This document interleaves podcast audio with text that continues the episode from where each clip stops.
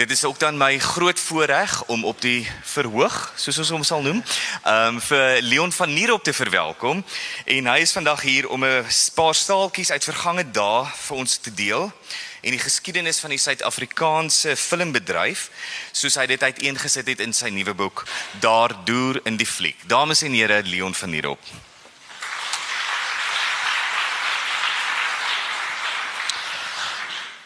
Goeiemiddag dames en here. Ek weet dit klink of iemand 'n radio aangeskakel het, maar dis maar net ek wat hier sit. Elke keer as ek praat, dan sê mense vir my, dit klink altyd of jy die nuus lees. Kan jy nie net anders praat nie? Dit is net maar net hoe ek praat of 'n resensie doen. Uh dis dit is my regtig ongelooflik om hier te sit in die HB Tom teater want ek het in 1971 hier begin. Ek het ek was 'n drama student in my eerste jaar in 1971 En een van die eerste dinge wat 'n lektor vir my gesê het, Antoinette Kellerman buite het my herinner daaraan met ons was saam hier. En uh, ek het ek moes iets gedoen het wat ek verkeerd ek moes geval het. Ek moes vorentoe gehardloop en op die grond geval het. En hy het vir my geskree, "Maar dat is mos kak." En ek het die woord nog nooit gehoor in daai in teen daai tyd nie. So ek het my so mors dood geskrik. En hier sit ek nou en, en Dr. Benda Haak het dit gesê. Jy het gister dalk gesien hy 93 geword. Hy was die man wat dit vir my gesê het en hy het my daar nederigheid alreeds begin te leer. E, een van die dinge wat ek net vir julle gou moet sê is eerstens wil ek vir Nicole Stassen wat daar voor sit baie baie dankie sê. Was dit nie vir hom nie, was daar deur in die fliek nie nou 'n boek nie. In 2011 het daar 'n e-pos van hom afgekom wat vir my gesê "Toe dink ek die TV-reeks het net begin of ek was besig om dit te skiet." En toe sê hy vir my, "Wil jy dit nie 'n boek maak nie? Wil jy nie eendag skryf oor die Afrikaanse filmindustrie nie?" En ek sê toe vir hom, "Maar liewe hemel Nicole, is is jy mal? Wie gaan dit koop? Niemand gaan daaraan belangstel nie." En hy sê toe vir my, "Maar as jy dit nie doen nie, gaan niemand dit doen nie." En toe besef ek, "Maar ek moet ek moet nou begin om aan te teken en neer te skryf wat het gebeur in die Afrikaanse filmindustrie en daardeur in die fliek die TV-reeks en ook die boek is is nou 'n voorbeeld daarvan. Hoekom het ek besluit om die boek te skryf is is die vraag wat ek natuurlik die eerste kry. Die rede is toe ons daardeur in die fliek die TV-reeks geskiet het, het ek met soveel as moontlik mense in die bedryf gepraat. Die groot ironie is en almal spot my daaroor. Hulle sê vir my baie van die mense met wie ek gepraat het is letterlik kort daarna oorlede. En toe sê hulle moet net nie met Leon van hier op praat as jy ouerig is in die bedryf wat kort daarna is jy nie meer daar nie. Uh maar die feit van die saak is net baie van ons van die ouer garde was besig om te sterf het uh, was op siekbeddens gewees Ons het 'n kombi gepak. Ek en Christa en Johan later gaan wat die uh, regisseurs was. Ons het 'n kombi gepak. Ons het dwars deur die land gery. Ons het begin in Hoedspruit met uh, Wynand Uys, Jamie Uys se seun, wat gepraat het oor Dirkie en ons het die hele land vol gery en ons het televisie onderhoude geskiet met almal van hulle. Wat, wat my eintlik daar laat besluit het om die boek te skryf was, ons kon 'n minuut, baie keer hoogstens 2, soms 5 minute gebruik van die materiaal wat ons gehad het. Ek het met iemand soos Maride Tooi 2 ure lank gepraat. Uh al daai inligting is is nou in die argiewe, maar dit dit is als dinge wat verlore gegaan het en hulle het altyd vir my gesê na die kamera afgegaan het, het hulle vir my gesê, "Nou gaan ek vir jou vertel wat regtig gebeur het." En dis daai stories wat ek party van hier ingeskryf het. Ek moes ongelukkig die name uithaal in sommige gevalle. Die stories is net te mooi dat die mense dit nie vertel nie, maar ek moes die name in sommige gevalle uithaal want die mense sal my mors doodmaak as ek as as as hulle sien wat wat wat wat ek hier geskryf het. So ek sou gesê 'n regisseur, byvoorbeeld. Daar was 'n regisseur wie se naam ek nie kan sê nie. Uh voor tog sy kinders het vir my gesê toe ek met hom gepraat het, dis hoekom ek sy naam noem nie. Hulle het vir my gesê, "Man, moenie lelik van ons pa praat nie asseblief. Daar het ek besef dat as 'n mens skryf, hier, hier jy het soveel mag in jou hande, want ek weet so baie stories, ek weet so baie dinge wat gebeur het. Dit ek kan nie persoonlik raak nie. Ek kan nie lelike dinge sê nie, maar die persoon se kinders en kleinkinders en daar's baie fans wat dit lees. My vriendin Leonie Du Plessis, hoe kan nou nog gepraat oor hom? Ja, Leonie, dit is daardie regisseur. Uh oor wie ons nou hier praat. En hy het vir professor Anne Netling Pool gesê, sy het ingekom en daar was nie 'n teks nie. En hy het vir haar gesê, ehm um, professor Pool, goeiemiddag en sy het vir hom gesê middag. En uh hy het vir haar gesê, "Man, staan sommer daar in die hoek vir my en dan waffel jy so 'n bietjie." En sy het vir hom gesê, "Kom ons sien nou maar sy van was met meneer Smit in God se naam. Wat is waffel?" Dis daai soort van stories wat ek wat wat wat wat ek hier ingeskryf het en wat vir my gewys het hulle was almal maar net mense want ek het soveel respek vir hulle almal gehad. Daar sit Lida Botha en Johan Botha daarvoor. Ek het hoeveel jare saam met hulle gewerk. Lida Botha het onlangs in 'n pop-up vir my darling 'n briljante vertolking as Sally Caravan gegee. Uh, Lida, ek dink ons moet 'n applous vir jou gee. Net vir Sally Caravan. En dis mense soos Lida, mense soos al my mentors wat ek gehad het, wat my laat besluit het om die boek te skryf. Maar weet julle, hoekom het dit het ek eintlik besluit om die boek te skryf? En nou ek raak baie keer vreeslik opgewerk, dan sê mense vir my, "Moenie so kwaad raak nie. Wat gaan aan met jou?" Dan sê ek my, "Ek is passievol oor film. Ek kan dit nie help nie. Ek is net passievol oor film." Film het in hierdie land tot en met nou, tot en met kyk net begin het met die silverskermfees, het film nog altyd aan die agterste speen gesuig. Film was iets minder waardig. Film was meeste van die tyd was iets oppervlakkig. Film was hoofsaaklik net vermaak. Dis hoekom ons rolprente tot en met Kalge tussen die duisies in 1998 en Lyk Lollery in 2001, dis waar ons dood gegaan het. Hoekom die films gelyk het soos wat hulle gelyk het? Uh is omdat meeste van die mense wat die wat die rolprente gemaak het, het eintlik nie in film belang gestel nie. Uh, ek sê dit in my boek. Ek noem miskien nie altyd almal se name nie, maar ek ek ek sê dit in my boek. Byvoorbeeld daar was 'n regisseur wat gesê het toe toe hy begin het om films te maak. Toe het ek vir hom gevra en dit staan in die boekie geskryf maar dit het ook in die koerant gesê gelukkig. Toe sê ek vir hom kom ons sê net maar Johan, hoekom het jy begin films maak? Toe sê ag man, weet jy ek het net eintlik in in die goed belang gestel nie. Dit was sommer net goed geweest. Maar toe vra iemand vir my, wil jy nie 'n prent maak nie, 'n bioskoop prent? Toe sê ek ja man, miskien moet ek maar probeer. Ek hoor daar's geld in en jy's 'n mooi meisies en dis 'n manier om meisies te kry. En toe sê ja maar skiet nou vir ons die film. Maak net vir ons die die prent. En toe maak die persoon die prent en hy het ongelukkig herhaaldelik dieselfde soort prente vir dekades gemaak wat almal dieselfde gelyk het en nie een van hulle was regtig goed geweest nie. En ek het baie met hom gepraat en en gesien dat hy so half nie, nie neerhalend oor film was nie, maar film was nie vir hom belangrik nie. Dit was nie vir hom 'n passie nie. En toe leer ken ek die nuwe geslag rolprentmakers, veral met belade vir die enkeling waaroor ek ek gaan nou daaroor praat, waaroor ek eh, 'n uh, baie persoonlike siening daaroor gee. En ek het daai ongelooflike passie van die jong mense van vandag A, 'n trots om Afrikaans te praat in 'n film, om Afrikaanse films te maak, om 'n passie te hê vir wat hulle maak. En ek het hulle vergelyk met baie van die voorgangers. Nie almal nie let wel maar daar was van hulle. En ek het daar begin dink want want, want mense het van hulle het vir my gesê hoekom skryf jy hierdie goed wat jy oor oor prente skryf? Hoekom skryf jy dit? Toe sê ek man ek ek ek ek respekteer film nogal. Ek hou van film. Ek wil graag eendag klas gee in film. Dis hoekom ek daaroor skryf. Maar ek het soveel respek vir film want film is 'n ongelooflike magtige, briljante kunsvorm wat net nie reg gebruik word nie. Film word herhaaldelik in ons land misbruik. En ek wil net vir mense half daarop wys wat verkeerd gaan, wat wat in die verlede verkeerd gegaan het en wat ons vandag reg doen. En baie van die jong mense van vandag en ek het baie van hulle opgelei. Hier sit van hulle in die gehoor vandag, daar sien ek vir hand vertraagde agter sit. Uh baie van hulle sit vandag hier. En ek het vir hulle geleer om respek vir film te hê, om passie vir film te hê, maar ek het ook vir hulle gewys die ouer rolprente van die vorige jare waaroor ek hier skryf. Daar het ons die foute gesien wat gemaak is. En daar het ek vir hulle gesê, sien julle, hier is foute gemaak. Ons mag nie weer daardie foute maak nie. Ons kan nie meer daardie foute maak nie. Die probleem is vandag nog steeds word daardie foute gemaak. Daar begin baie binnekort 'n uh, romantiese komedie wat al die foute maak wat die jare 50 en 60 se films so waar as waaragtig dit word weer presies op dieselfde manier gemaak. En dan kyk jy na films soos dis ek Anna of jy kyk na Sink of jy kyk na as ek praat van belade vir die enkeling moet jy asseblief nie dink ek prys my eie stert nie. Dit gaan oor Quentin Krog. Dit gaan oor die regie. Ek het ek het meegemaak wat Quentin Krog in daai film gedoen het. Ek het gesien hoe hard hy gewerk het om daai film te maak. En daar sien ek die respek wat die jonger garde het vir jonger films, maar hulle het geleer uit die ou dae. Hulle het geleer wat verkeerd gegaan het, wat om nie te doen nie. En baie mense sê vir my, "Hoe het jy geleer resensies skryf? Hoe het jy geleer om te doen wat jy doen, veral om draaiboeke te skryf?"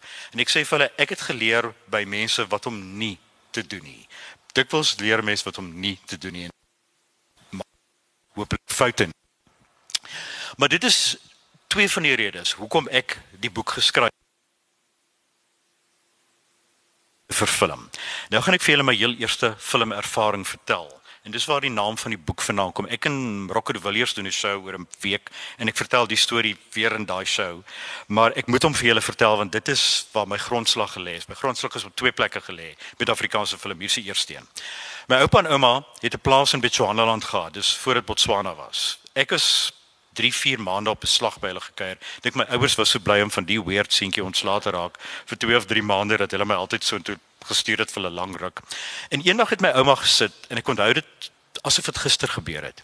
En sy sê vir my uh my kind jy moet jy moet vir jou mooi aantrek want ons gaan uit vanmiddag. Nou die naaste dorp was Francistown en dit was omtrent 50 km van die plaas af gewees. Daar was niks tussen ons en Francistown gewees. My oupa se plaas was groot so Stellenbos, die hele Stellenbos.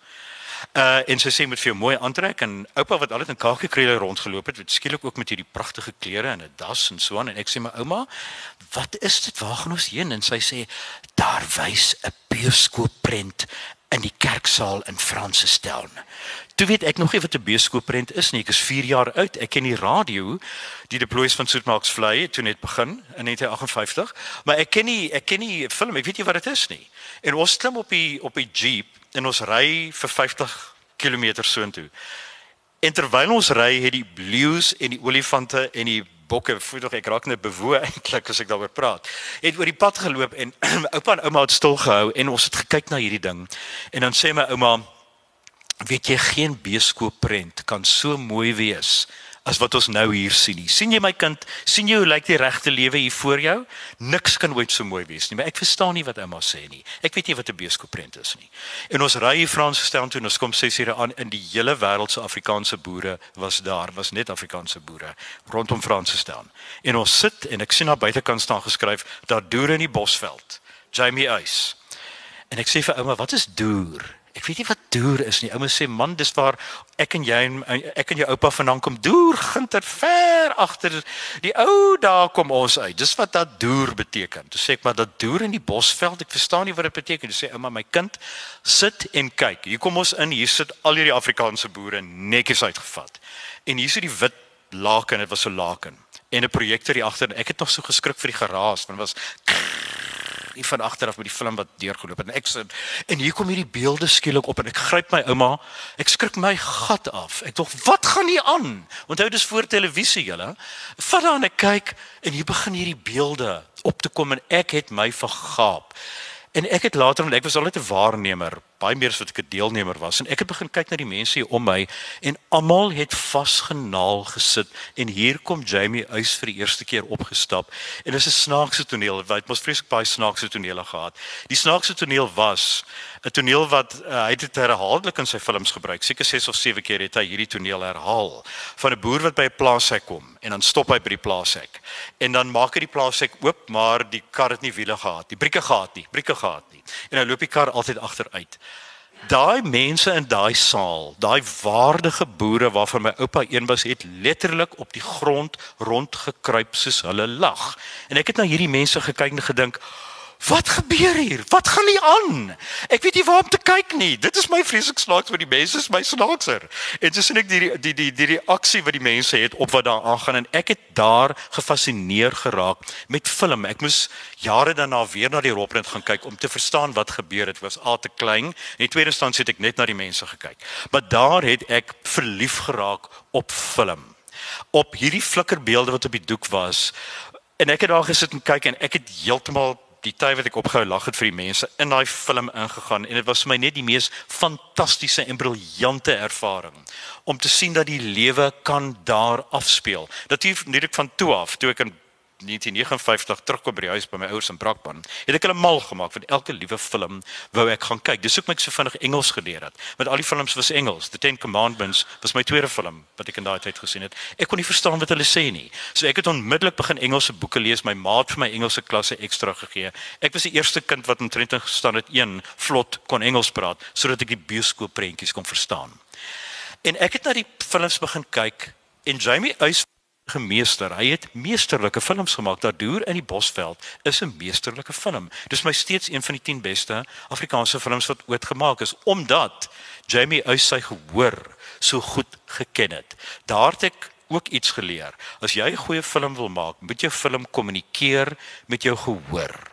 Jy moet oor daai gat spring wat tussen die doek en tussen die gehoor is. Jy moet oor daai gat spring. En net party mense kan dit doen waarvan Jamie Uys in daai jare die meester was. En toe kom daar allerlei ander rolprente wat ek nie nou die name van wil noem nie, maar vele ander rolprente en ek het daar gesit as 'n jong kind en dwars deur daai films gesien. En my ouers het altyd na die tyd vir my gesê, "Boetie, jy dink te veel. Jy kyk te diep ontspan net, geniet net wat jy sien. Sê ek, "Mamma, jy kan nie in in hoor my lied. Hier is hierdie motorongeluk wat gebeur. Hierdie kar staan net daar teen 'n wal en hulle gooi meel oor die mense. Ek het later uitgevind hulle het meel oor die mense gegooi. Dit was nie stof wat geval het nie, maar meel wat oor hulle geval het. En ek het deur al daai goed gesien en my pa en het vir my ma gesê, "Die kind kyk anders na goeders as ons." Dit bekommer my baie. En uh, toe sê my ma, "Los hom dat hy dink." Kinders moet leer ook om te dink. En van daar af het ek begin om in my kop resensies oor films te skryf. Maar die een film was my so swak soos die ander. Dis net Jamie Uys wat ek geniet het. Uh goed soos Lord and Pete, uh 'n films uh, al die films wat hy destyds gemaak het, uh, uh uh All the Way to Paris, al daai rolprente. Leon Schuster het inderdaad ook gesê Hy is so beïnvloed deur Jamie Uys want destyds het sy ouers en hy nie geld gehad om na Inry Theater in Bloemfontein toe te gaan nie. Dis ook in my boek die storie. En dan parkeer hulle buite kan die Inry Theater. En dan kyk hy van buite, hy weet klein suster is, is 5 of 4 of 5 jaar oud, nes ek. Ons is ewe oud. En dan kyk hy van buite af na hierdie beelde van Jamie Uys wat op die doek afspeel hy sien hierdie mense wat toeters blaas en hierdie ligte wat flits en hierdie mense wat nie die verhoog hysteries word oor wat daar gebeur. En hy is ook beïnvloed deur Jamie Uys deur wat daar gebeur het. Deur die komedie. En ek dink daar het hy ook sy gehoor leer ken. En of ons nou van hom hou of nie hy weet hoe om met sy gehoor te kommunikeer Uh hy weet presies hoe om dit te doen. Ek en hy het vir maande lank saam in 'n huis gewoon. Daar's niks van Leon Schuster wat jy my kan vertel nie of, of hy weet als van my ook af wat ook baie gevaarlik is in in in in daardie jare. So het al die rolprente deurgegaan in die 60er jare. Ek het deur hulle almal gesien. Ek wou later nie meer na Afrikaanse prente gaan kyk nie, want die een was vir my so swak soos die ander. Ek onthou ek het na die radio veral Die Geheim van Nantes geluister.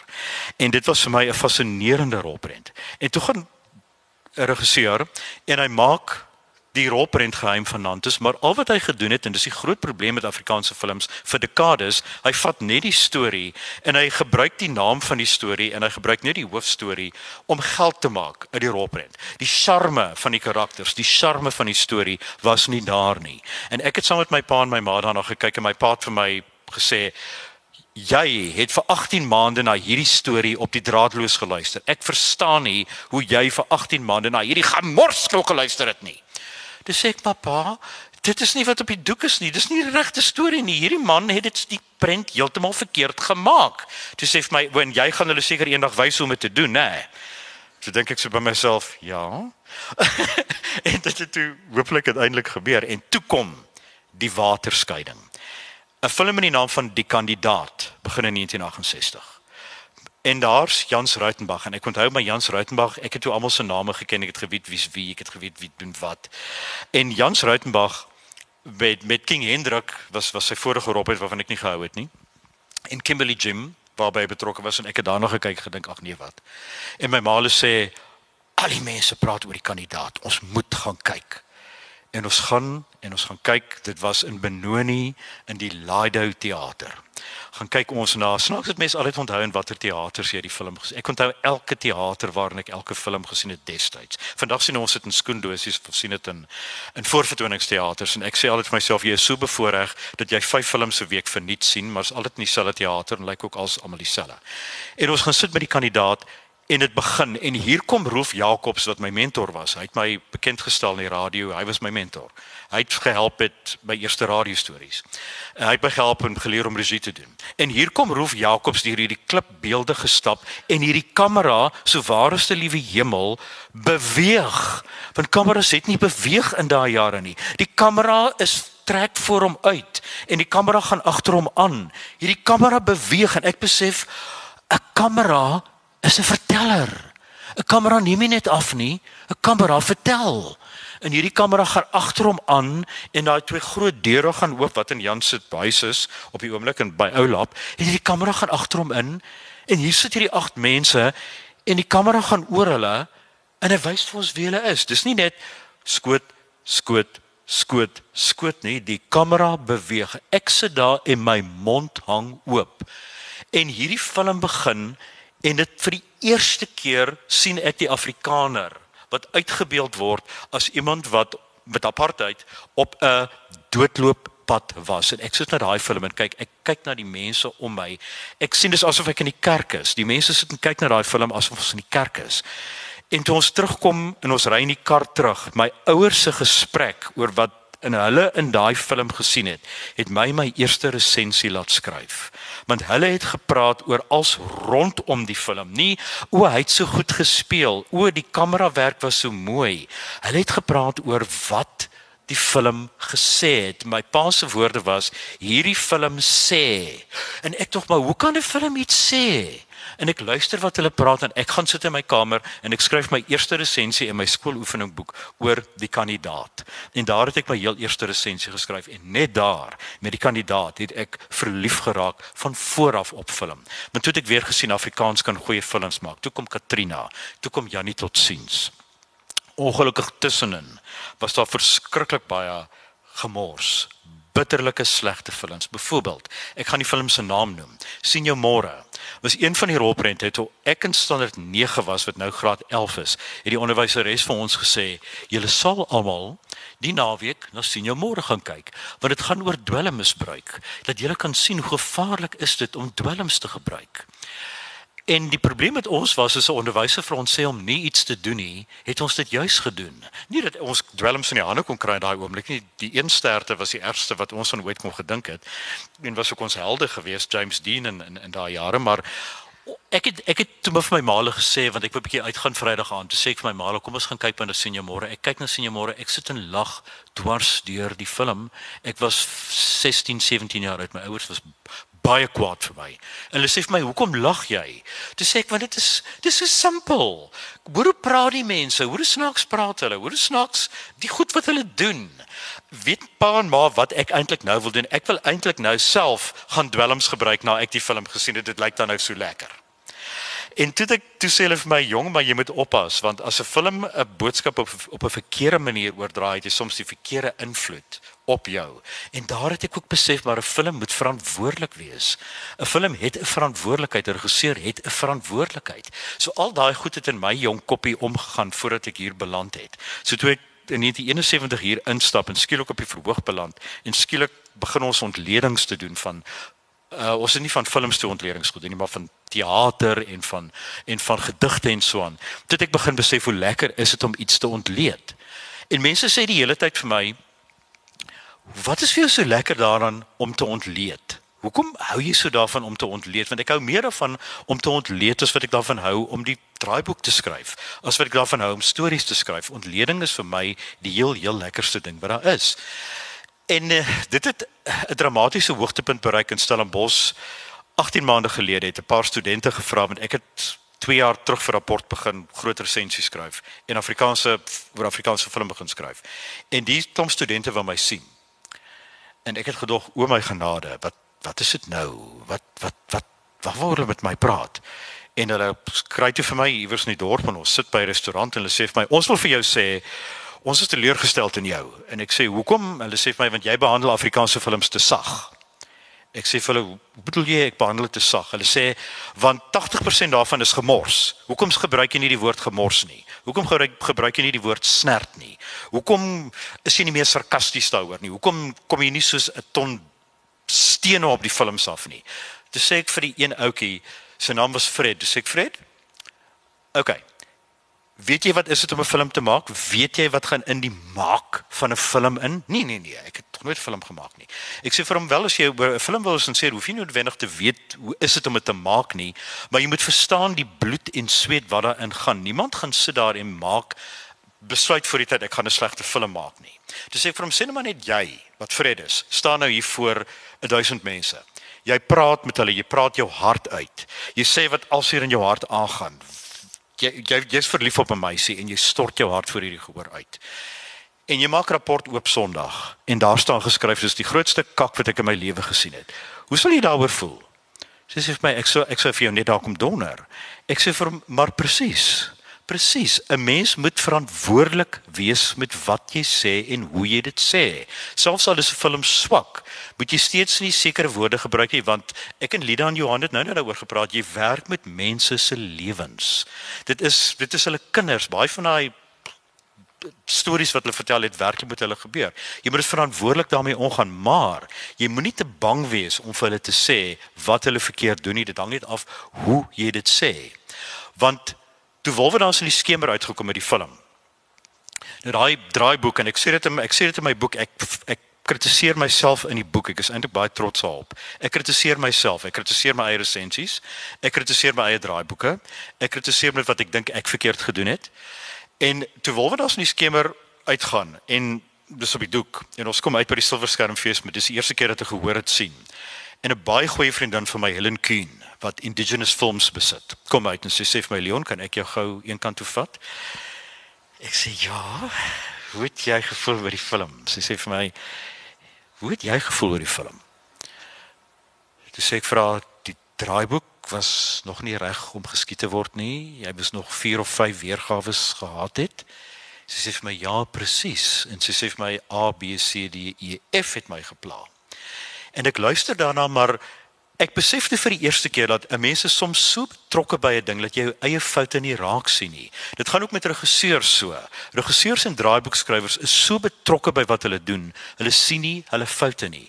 Daarom as ek daai resensie skryf, nooi ek die regisseurs en die vervaardigers dikwels uit om my te kom sien na die tyd. Hulle sal my bel of hulle sal met my praat of hulle sal woedend wees vir my en hulle sal sê ons wil jou asseblief maandagmiddag 2 uur sien dan sê ek nee, ek dis fyn. Ek sal daar wees. Kom ons praat oor oor wat ek geskryf het. Ek is ek is totaal uh, ek ek sal ek sal met jou daaroor praat. En dan gaan sit ons dan sê hulle vir my, maar die verspreiders het gesê dis 'n meesterstuk.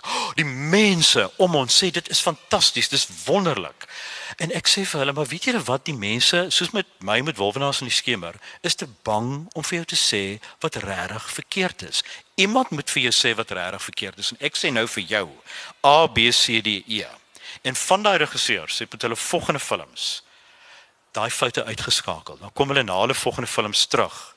Dan bel hulle my en dan sê hulle vir my, "Wat het jy dan van gedink?" Sê, "Ek weet jy al daai foute wat jy gemaak het die eerste keer, het nie weer gebeur nie." En dan sê hulle maar, "Weet jy, net jy het die moed gehad om dit vir ons te sê."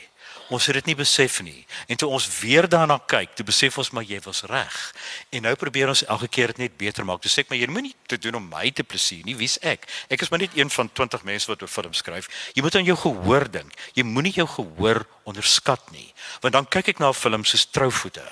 Ek sou deur Trouvoete en ek kyk na daai film en ek raak skaam want ek sien 'n film wat eintlik nooit gemaak moes gewees het nie. Ek sien 'n film wat sy gehoor gering skat wat 26 advertensies in die film sit. Ek sien twee mense wat gesels oor 'n onderwerp in die film. Reg in die middel van die gesprek kom 'n dametjie van 'n winkel af ingehardloop en sê: "Jy moet by De Wets gaan shop. Het jy gesien hoe lekker shop mens by De Wets?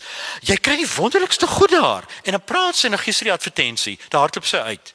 Net as die mense wie wil voortgaan met die gesprek, hardloop sy terug en sê: "Dis op die hoek van van Reyneveld en Bondstraat." Dan dink ek hoe kan jy in 2015 so iets doen?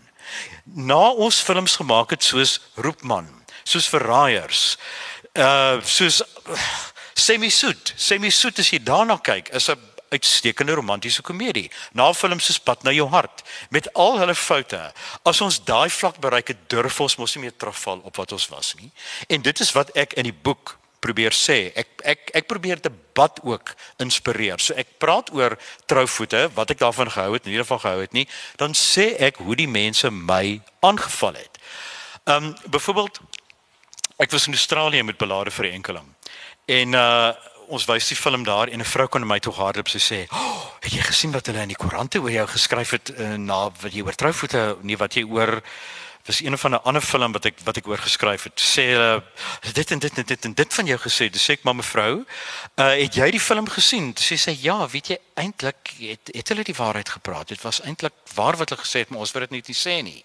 So ek probeer maar in die boek ook om net dood eerlik en reguit te wees. En ek ek verwelkom debat. Ek hou daarvan as mense vir my sê ons het nie met jou saamgestem oor 'n sekere resensie nie.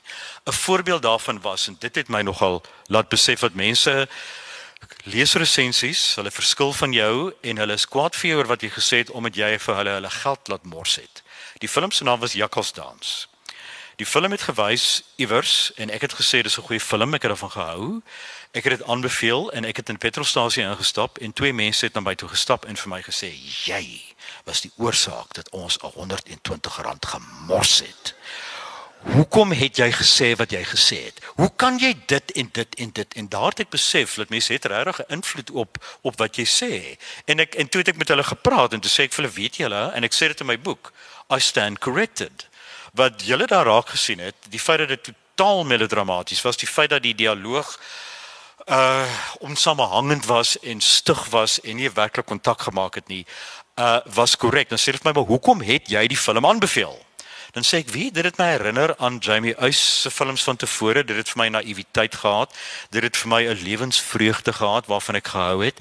Dan sê hulle vir my, "Maar dit help nie dat dit al daardie dinge wou doen, maar dit het dit nie reg gekry nie." Jy moet besef dat jy 'n verantwoordelikheid het teenoor die filmindustrie. En dis hoekom ek te begin het om meer verantwoordelik resensies te probeer doen. So ek vat myself inderdaad aan in die boek.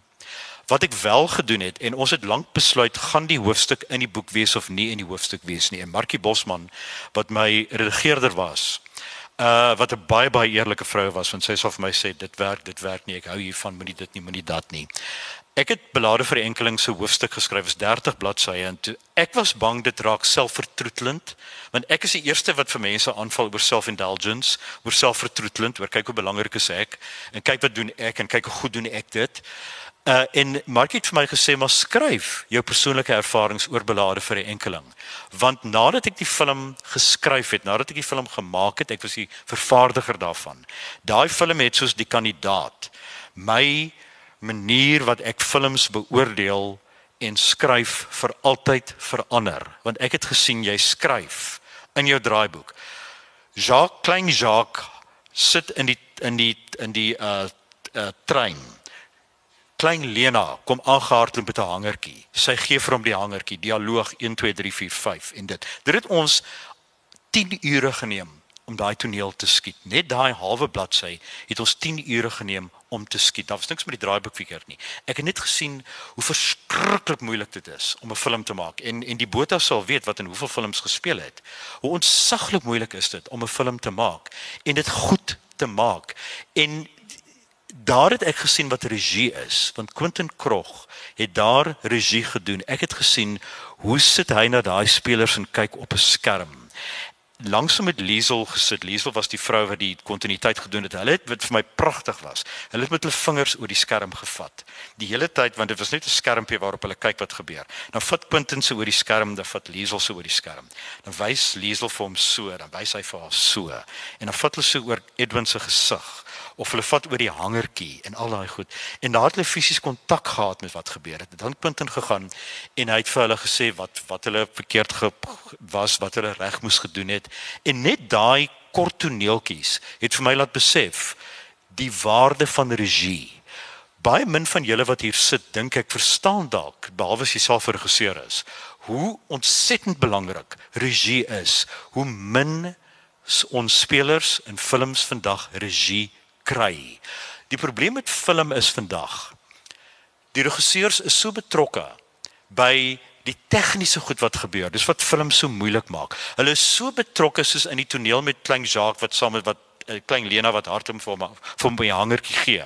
Is so betrokke by die tegniese goed dat hulle vergeet van die spelers se spel. Daai kinders het daai toneel 26 keer oorgedoen. Klein Lena het 26 keer gehuil as sy vir hom daai hangertjie gee. En Quentin het elke keer van daai 26 keer na die tyd met haar gaan praat. En vir haar gesê, "Dit was reg, probeer dit bietjie meer sis, maak bietjie meer so, op as dit jy nie so nie, op as dit jy nie dit nie." En daar het ek die balans gesien. Dit is so belangrik vir my in film, die balans tussen die tegniese en die spel. En ek dink vir baie baie min spelers, Lidan Johan, julle sal ook weet, baie min spelers kry regtig regie. Want jy weet nie, jy kan jouself nie sien nie. Jy's in 'n regisseur se hande, jy kan jouself nie sien nie. 'n Regisseur moet jou lei. Hy moet jou laat ineenskakel met die masjien. Film is masjiene wat kuns maak. Film is masjiene wat kuns maak, maar daar moet 'n menslike aspek in wees. Dis steeds mense wat die film maak. Ons moet altyd onthou dit moet kommunikeer met mense. Dis hoekom ek so die moeren raak vir films wat deesdae aangaan soos Gods of Egypt wat gemaak is deur 'n klomp rekenaars wat jy vir 3 jaar film met 'n rekenaar maak. Jy sit daarna en kyk jy voel niks vir daai mense nie. Teenoor iets soos en Antoinette nou oor gepraat Mad Max Fury Road wat ook 'n groot tegniese meesterstuk is, maar dit gaan oor mense. Jy is die hele tyd bewus van die mense, van die storie van die mense en dis wat Jans Rautenbach ook gesê het. Jy moet onthou dit gaan oor mense, moet nooit mense vergeet nie. Wat ook vir my baie belangrik is en ek het dit dink ek in my resensie oor die ontwaking gesê, is oor die woord stadig. Nou luister ek na my kollegas, ek het gister 'n helse uitval met 'n Engelse kollega gehad oor die film Sink want uh, my Engelse kollegas het die film Sink gesien. En hulle het die woord te stadig gebruik. En ek het vir hulle gesê daar's 'n verskil tussen stadig en te stadig. Stadig beteken dis tydsaam. Jy gee die gehoor kans om die tema saam met die regisseur en die spelers te ontgin te stadig beteken jy gebruik dieselfde ding wat 6 keer oor gebeur. Byvoorbeeld 'n 'n man en 'n meisie. Dit het Quentin krog my geleer in belade verenkeling.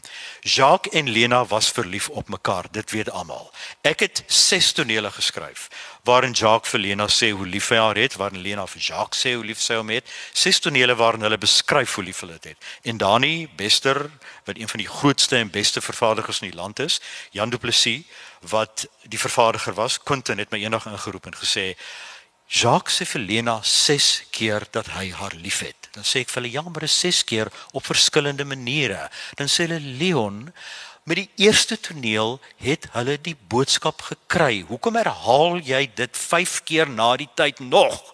dan sê ek maar ek wil hê my gehoor moet weet. Dan sê hulle maar die beeld is so sterk. Die klomp wat hulle klere uittrek bo op die dak en mekaar vashou en na mekaar kyk is so sterk. Jy hoef dit nie vier keer na die tyd weer te herhaal nie.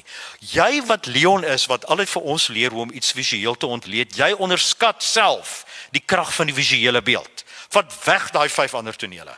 Goddank ek het daai vyf tonele weggevat. Want dit sou net 'n herhaling en 'n herhaling en 'n herhaling daarvan gewees het. En daarom word ek so kwaad vir vir vir rolprente. Wat dieselfde goed op ses maniere vir jou oorvertel. Ek noem dit lui skryfwerk draaiboekskrywers wat fisies net te lui is om ander tonele uit te dink of wat hulle gehore onderskat ek het die gehore onderskat. Want ek het na die tyd gegaan, dan sit ek in belade vir enkeling agter in die teaters. Ek het dit baie in, in Australië gedoen toe die Australiërs daar nog gekyk het. Waar ek Engelse was wat nie vir my ken of die storie ken nie. En ek het gekyk hoe hulle reageer. Uh soos wat ek gekyk het in daardeur in die Bosveld hoe die mense wat daar gesit het reageer. En ek het gesien by party tonele dat die mense letterlik vorentoe gesit het vir al die verbeteringsskooltonele. Vorentoe en vorentoe en vorentoe en hulle later so gesit en kyk ek na die film. En dan dink ek, weet jy, daar waar jy nou so vorentoe sit, daar het ek 'n toneel aangegaat van Jacques wat Verlena gesê, "Haai, ek het jou so lief en o, jy is so mooi." Was daai toneel daarin? Het jy weer teruggesit? En gedink, ag, kan dit nou nie maar net verbygaan dat ons weer die volgende ding kan kry nie. So vir my die die die die uh, ontleding van 'n film, die skryf van 'n film het heeltemal en totaal verander toe ek betrokke geraak het by film. Nou kry ek die vraag altyd en gedurig in 2016 waar staan ons nou? Daai vraag kry ek geweldig dikwels aan mekaar aanhoudend en ek het begin myself te herhaal. Ek sê nou vir julle. Ons staan in 2016, hier waar ek nou sit, op die beste tyd wat ek dink nog in Afrikaanse film was. Want weet julle wat? Die kaf word van die koring geskei. Julle mense begin stem met julle voete. Julle kry swak rolprente julle ondersteun dit nie meer nie want daar's te veel. Mense sê vir my daar's nou deesdae te veel Afrikaanse films. Is daar nie? Dan sê ek vir hulle eintlik nie, want die goeies staan uit. So die mense uh, raak meer film geletterd, Afrikaanse gehore raak meer film geletterd. Ek probeer met hierdie boek om hulle meer film geletterd ook te maak. Hulle raak meer film geletterd. Hulle sien deur goed se strouvoete. Hulle sien deur daai rolprente. Hulle sien deur daai foute. Hulle word nie meer gefop daardeur nie. Hulle sien dis ek Anna, hulle sien Roepman, hulle sien groot films 'n standaard voor daar gestel en die ander jong regisseurs probeer om daai standaard te handhaaf. So daar kom 'n klomp jong regisseurs nou op. Corneil van Rooyen met Hollywood in my huis is een van hulle wat ek het lang gesprekke met hom gehad. Andre Velds, ek het lang gesprekke met hulle gehad. Wat wat vra ek vir hulle, waar leer julle?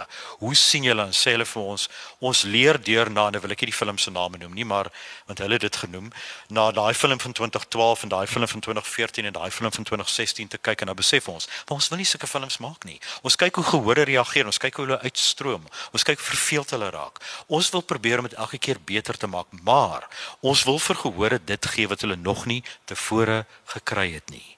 Daar's sekere temas wat nog nie in Afrikaanse film aangevat is nie en die hemel weet ons moet dit nou begin aanvat. Ons kan nie net meer romantiese komedies maak. Oukie ontmoet meisie, haar motor breek, hy stop agter haar, hy probeer haar help om die motor weer reg te kry. Hulle haat dit om van mekaar te hou. Die hele film lank sien jy duidelik hoe die skrywer, die lui skrywer, hulle uitmekaar probeer hou met allerlei simpel dinge wat hy doen. 'n Ou kerel kom altyd terug, laat hulle uitmekaar spat. Die meisie weet vir haar heilige siel, die kerel is nie reg vir haar nie, maar sy gaan nog steeds vir hom. Dan dink jy jou simpel donderse lui skrywer. Dink jy regtig die mense gaan nie daardeur sien dat hierdie ou nou uit New York terugkom. Sy het hom gehaat vir 3 jaar. Sy het hom geskei. Hy kom terug. Oh, dadelik is sy weer verlief op hom. Want die die held die skrywer moet haar weghou van die held af. Dink hulle regtig gehoor is nog so dom dat hulle nie daardeur sien nie. Kry 'n ander manier om dit te doen. Hulle haat dit om vir mekaar te hou vir 90% van die film en reg aan die einde oh, hou hulle dadelik weer van mekaar en daar trou hulle. En ooh, dan dink ek ons sit in 'n land vandag wat ons ons universiteite brand. Ek kan nie meer na sulke stront kyk nie. Ek kan net nie meer daarna kyk nie.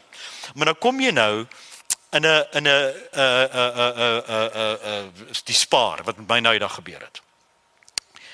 En 'n vrou kyk my so, ek ken daai kyk. Ek weet. Dis wat ek vandag 'n rapport geskryf het oor vir altyd. Sy kom nou uit toe gestap en sy vat daai koerant en sy slat my oor my kop en sy sê: "Hoe kan jy so naar met ons 'n pragtige Donna Lee wees?" Dan sê ek my mevrou, ek was nie naar met ons se pragtige Donnelly nie. Ek het gedink sy het baie mooi gespeel. Dit het vir my gegaan om die film, om die storie en dan begin ek besef vir mense is seker goed nog steeds heilig. Hulle is nog steeds uh, hulle word nog steeds gefop daardeur. En dis tyd dat ons deur daai goed sien deur films te maak oor wat nou aan die gebeur is. Die studente wat ek gesien het wat vir my met my gepraat het oor die feit dat ek te sag is met Afrikaanse films, sê vir my niemand maak ooit 'n film oor Afrikaanse studente nie. Dan sê ek vir hulle ek kan nie film oor Afrikaanse studente maak nie. Ek ken hulle nie. Ek was 40 jaar laas op universiteit. Ek weet nie hoekom maak julle nie die films nie. En sê hulle ouma ons weet dis ek nie nie oor dis hoe ons almal begin dat deur te waag om daai films te maak. Kyk wat gaan vandag in 2016 aan. Een van julle moet 'n film maak oor wat nou aangaan spanningsrolprente. Ons kan nie spanningsrolprente maak nie. Die ontwaking is beslis nie 'n spanningsrolprent nie. Een van die beste spanningsrolprente nog steeds is Struidapool se Man in die donker van 1964. Dit is nog steeds een van die beste spanningsrolprente wat daar is. En ek praat uitvoerig oor die oor die rolprent daar want ek het met almal gepraat, Kornorkee, die mense wat daarin was, David van der Walt oor wat gebeur het, hoe Struidapool vir hulle regie gegee het, wat als gebeur het. En ons kan wragtig nog steeds nie rillers of of spanningsrolprente maak nie. Is dit nie ironies nie? Ons bly in 'n riller van 'n land en ons kan nie 'n riller maak nie. Ons kan nie 'n thriller maak nie. Uh ons het met Wolwenaars in die skemer dit probeer en die fout lê by die draaiboek. Uh ek het ek het daai draaiboek was so reg om vervilm te word nie. Ek het probeer om dit te doen en ek het dit nie reg gekry nie. Ek uh, kritiseer die ontwaking. Ek kon dit nie doen nie. Maar ek doen nou 'n thriller. Ek is nou besig om ek werk 3 jaar daaraan om te probeer om 'n draaiboek te skryf wat mense kan vervilm wat mense kan bang maak. Nou dink ek altyd maar hoekom sal mense na films gaan kyk om bang te word? Jy loop by die straat uit en jy word bang vir wat jy by die Jan Maree standbeeld sien. Jy word jy word jy word daarvoor bang. Weet julle hoekom hoekom gaan kyk mense na dinge wat jou bang maak want op daai manier verwerk jy die nare werklikheid. sien jy daar's erger dinge op die skerms wat nou met ons gebeur. Verwerk jy dit op daardie manier. En dis wat ek gaan probeer doen met 'n draaiboek wat ek nou aan die skryf is en wat ons hoop wat wat gaan werk. Maar op die oomblik staan ons op 'n fantastiese tyd want daar kom films. Nou, ek weet wat kom. Ek weet watter films word gemaak. Daar's 'n byvoorbeeld 'n film gemaak oor die voelvry beweging. Ek dink dit is so nodig dat daar 'n film oor daai era gemaak word want ek kom uit daai era uit. Maar 'n film met respek, maar 'n film wat ook nie bang is om sy gehoor aanstoot te gee nie. Ek en Antoinette praat nou daar buite wat en ek kry daai boodskap gereeld dat mense vir my sê mense vloek so in films teesta. Ek word so geafronteer deur die vloekery. Hoekom waarsku ons dit teen die vloekery? En sê ek mevrou, hoe kan jy nog oor daai enkele sin wat nou in ons land gebeur, kla oor daai enkele sin? bepaal jou by wat die film sê. Moenie jou in 'n sin vasluister nie. Ons is verby daai tyd. Ons beweeg verby daai tyd. Word groot. Kyk wat om jou aangaan. So die rolprente wat nou kom tot eindig 2016 is wonderlik. Daar kom byvoorbeeld 'n film in die naam van Jou Romeo wat gaan oor 'n 'n 'n 'n 'n seentjie wat die rol van Romeo moet speel in 'n in 'n 'n skoolplay. En uh hy hy weet nie hoe om Romeo te wees nie terwyl hy die rol speel aan Shakespeare se teks, leer hy hoe om romanties te wees, 'n seun van 16.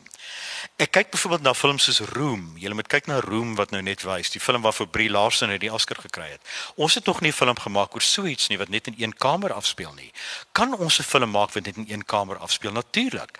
Uh die die regisseur van Room het dit gemaak. Die film speel 80% in een kamer af. Daai kamera se heeltyd 'n verteller. Ons moet sulke films begin maak. Ons moet nuwe uitdagings aan onsself stel. Nou ek het nou 50 minute lank gesit en praat hier oor myself en oor hoe ek films sien en wat op die oomblik gebeur. Ek sou graag vir julle wil vra om vir my vrae te vra. Om jy kan my aanvat as jy wil. Jy kan vra vir my vrae as jy wil. Uh miskien is daar sekere dinge wat ek nie aangeraak het nie wat julle graag sou wou hê ek moes moes aanraak. Kortliks wil ek net vir julle sê want dit is hoe ek my toespraak wou begin het, toe raak ek gesidetrack toe ek oor Nicole praat. Die film begin by die eerste koi mense wat begin het om stories te vertel vir ander koi mense en skaduwees wat met hande gedoen is en wat op wat op mure gegooi is. Dis hoe ek begin prentjies op mure sien dit daardeur in die bosveld. En ek vat dit deur tot die kamera wat geskep is tot die Anglo-Boereoorlog. Was dit nie vir die Anglo-Boereoorlog nie het ons filmbedryf eintlik nie so vroeg begin as wat hy begin het nie. Want wat in die Anglo-Boereoorlog gebeur het is die Britte het vervilm wat hier gebeur het. Hulle het dit gemanipuleer. Hulle het die boere altyd gewys as nare, negatiewe, aaklige barbare. En daar was enkele mense hier wat dit gesien het en besluit het ons wil wys wat regtig gebeur. Wat op ossewaans geklim het wat in die oorlog ingery het en geskiet het wat daar gebeur het en dit in Engeland gewys het. Daai films is in Engeland gewys en vir die eerste keer het die Engelse met die boere heeltemal ander mense gesien as wat hulle voorgemee gemanipuleer is.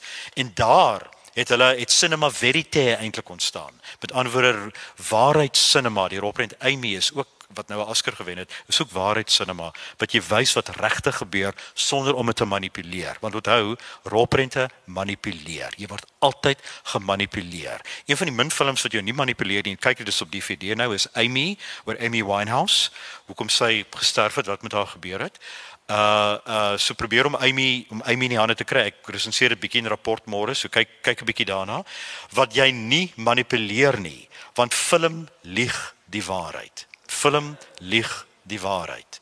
Jy sien film altyd deur 'n ander regisseur se oë. Want ek onthou toe ons na Belade gekyk het, ek en Quentin Krog uiteindelik toe ek Belade vir enkling die eerste keer gesien het. Toe ek die hele film die eerste keer gesien het. Dit moet ek net gou vir julle vertel.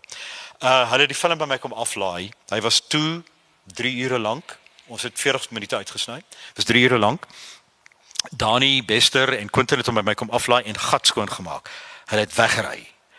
en het vir my gesê kyk daarna en ek het gedog o hel hier kom dit en ek het gesit en ek het dit opgesit en ek het na daai film gekyk ek het dwars deur daai film gesit en huil dwars deur daai film gesit en huil ek moes hom kort stop en later het Dani my gebel en sê Dani Leon het jy al die hele film gesien? Dan sê ek das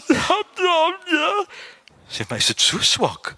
Dan sê ek vir hom nee Dani maar ek sien al die subtext ek sien al die dinge wat dalk nie kon uitkom nie. En Quentin vat die foon hy sê vir my ja Leon jy was so verlief aan Jacques Reinhardt is eintlik jy. Jy was so verlief op Jacques Reinhardt dat jy nou nog nie deur hom sien nie.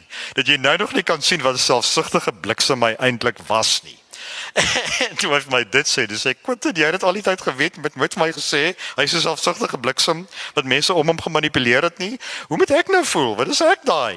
En toe besef ek maar mense raak so verlief op wat jy self doen dat jy self nie daardeur sien nie.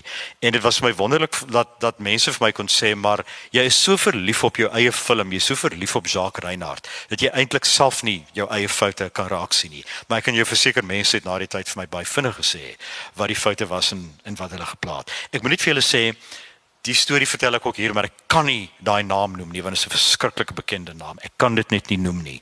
Maar dis die soort reaksie wat 'n mens kry. En toe het ek ook besef mense vel moet baie dik wees. Jy moet 'n renostervel hê.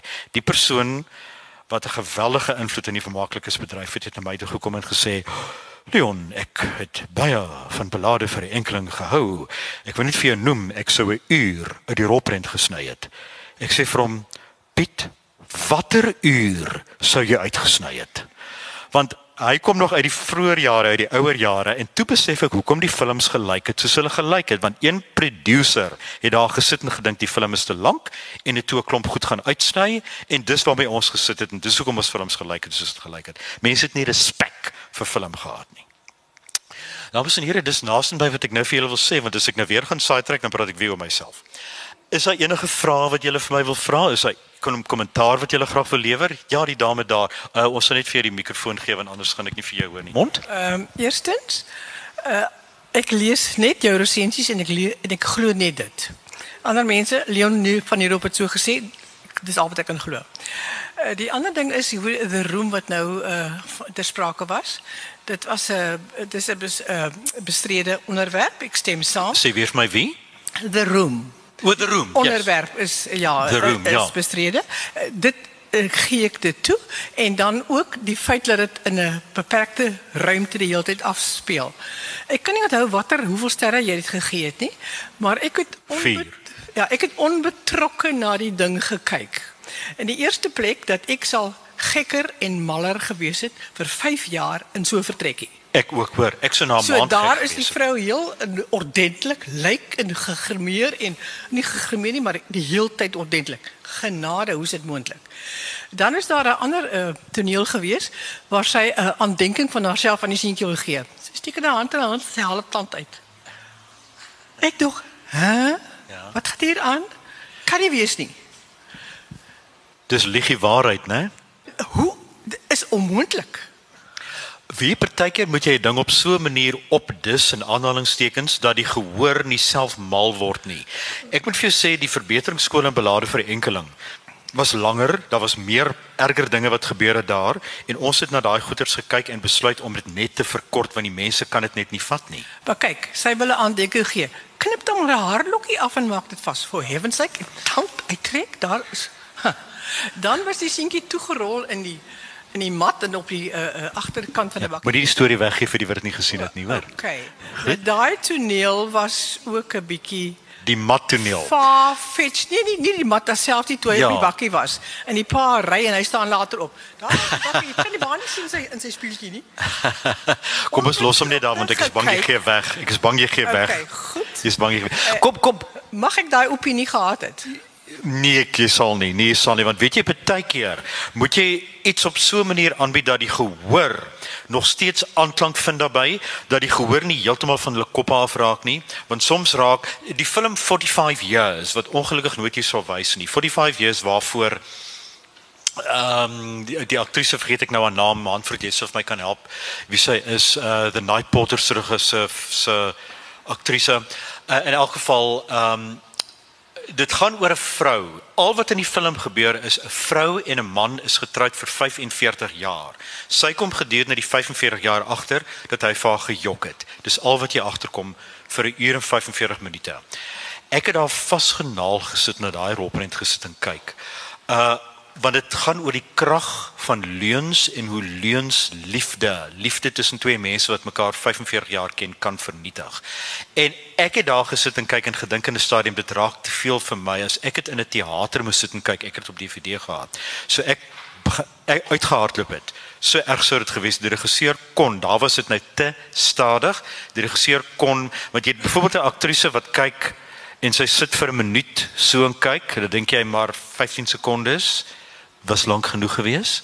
Ehm um, jy weet so partykeer dis met roem die geval. Partykeer moet jy iets net versag op 'n manier sodat die gehoor nie heeltemal mal word met wat hy sien nie. Anders moet jy 'n dokumentêr maak. Anders maak jy 'n dokumentêr soos Amy wat jy later ek moes Amy kort kort vries frame wat ek kon nie deur daai dwelm tonele wat sy dwelms gebruik en wat sy van haar kop af raak wat afgeneem is in die straat wat sy als gedoen het met sekuriteitskameras wat ek nie verder in daar kon kyk nie. So dis my dis my iets persoonlik daai. Ek kan vir julle sê met die rolprent sink, sink begin binnekort. My Engelse kollegas het gister vir my gesê en dis waar ons in die argument beland het. Hulle het vir my gesê geen mens bly in so kou, kil, kliniese huis is daai twee nie. Toe sê ek, die liefde het uit hulle huwelik verdwyn. Soos die liefde uit hulle huwelik verdwyn het, so die goed wat saak maak uit hulle huise uit verdwyn, sodat daar net 'n koue kliniese huis agtergebly het. Kunsregie waaroor ons nog eers gepraat het nie, is verskriklik belangrik. Ehm um, so die krag van die beeld, die manier wat dit op op die skerm geplaas word, is verskriklik belangrik. Hoe jy dit plaas. Want daardie dame nou net gepraat van Room wat vir haar miskien te veel versag het. Maar gaan kyk na die rolprent sink en sien hoeveel subtext in die beeld lê. Maar ek kan nie nou daaroor aangaan nie want julle het nog nie gesien nie. Uh dames en here, dis 3 uur vir die van julle wat nog shows het. As die van julle nog wil bly, dan kan julle bly, maar dit is 3 uur.